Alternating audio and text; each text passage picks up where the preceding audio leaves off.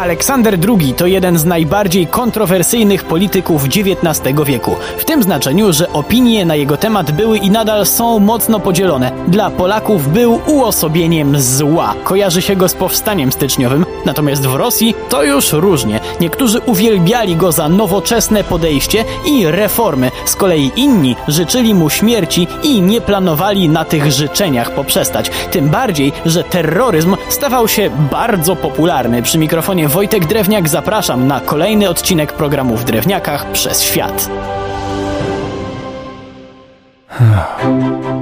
Aleksander II Romanow, obejmując władzę, był pewnie odrobinę przerażony ogromem roboty, jaki będzie musiał wykonać, żeby postawić swój zacofany kraj na nogi. Nadal obowiązywała pańszczyzna. Właściciele ziemscy bezkarnie mogli tłuc chłopów za najmniejszą głupotę, a służba wojskowa trwała 25 lat. Co w sumie nijak nie przekładało się na potęgę carskiej armii, bo wojna krymska z Turcją w latach 1853-1856 została brutalnie totalnie wręcz przerżnięta. Nowy car mógł albo załamać ręce i udawać, że nic się nie dzieje, albo wziąć się do mozolnej roboty. Wybrał to drugie. Z jakim skutkiem? Wprowadził uwłaszczenie chłopów, skrócił służbę wojskową, zreformował sądownictwo, dał trochę więcej luzu Polakom, czyli fajnie.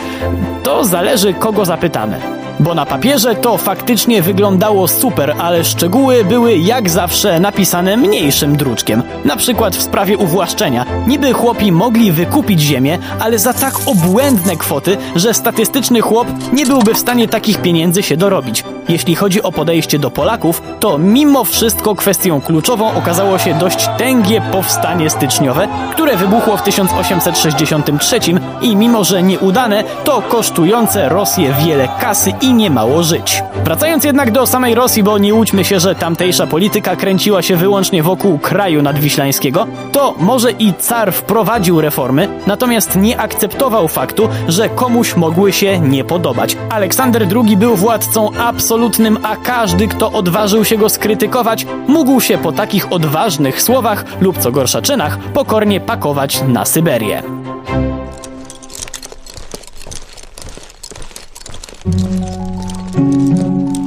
Czy byli ludzie, którzy chcieli mimo wszystko obalić cara?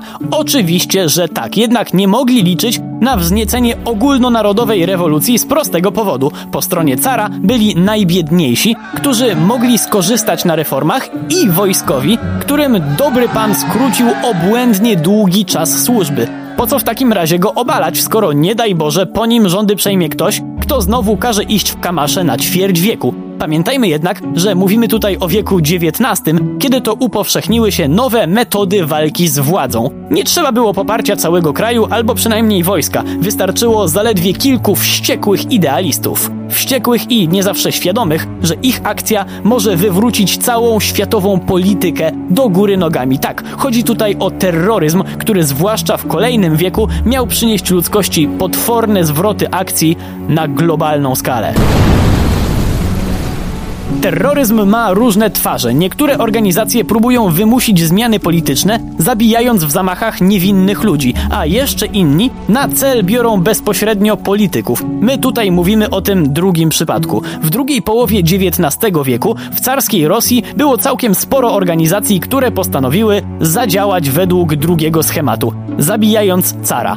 To miało wystarczyć, żeby kraj się odmienił. Co na to sama władza? Przez jakiś czas uważano, że zagrożenia w sumie nie ma. Uważano, że zwykli rosyjscy poddani są tak wdzięczni Aleksandrowi II za reformy i ogarnięcie kraju, że nie ma się ich co bać. Ewentualnie bać się można trochę Polaków, bo wiadomo, że po represjach, jakie ich spotkały po powstaniu styczniowym, raczej nie należą do fan klubu cara. To zagrożenie uznano jednak za tak marginalne, że aż nawet trochę śmieszne.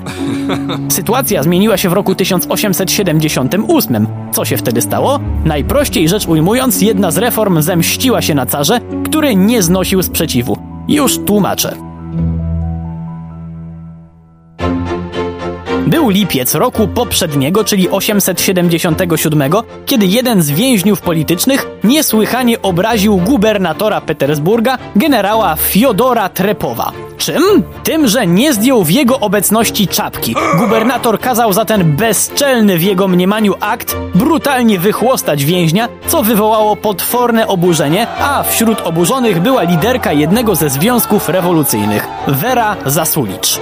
Jej organizacja wydała na gubernatora wyrok śmierci, ale kobieta nie chciała czekać bez końca na kolegów egzekutorów i wzięła sprawy we własne ręce. W styczniu 1878 roku sama wystrzeliła do gubernatora z pistoletu i nie zabiła go, tylko raniła i pewnie pogodziła się już z losem. Przed reformą sądownictwa wyrok byłby prosty i szybki. Tymczasem w nowej Rosji Aleksandra II każdy miał prawo do obrony i uczciwego procesu. Każdy miał o tym wiedzieć. Po stronie oskarżonej Zasulicz stanęło dwóch świetnych adwokatów, którzy przyjęli taką taktykę, że to Trepow swoimi czynami był sobie winny i w sumie ich klientka zrobiła to, co się gubernatorowi należało. O dziwo skład sędziowski przyznał im rację i kobietę uniewinniono. Ten wyrok ośmielił kolejnych terrorystów, którzy wcześniej bali się surowej kary. Kilka miesięcy po tym głośnym wyroku powstała Narodna Wola, organizacja, która zabiła samego cara. Polskimi rękoma poniekąd. Ale to już temat na nasze kolejne spotkanie. Przy mikrofonie był Wojtek Drewniak. Do usłyszenia.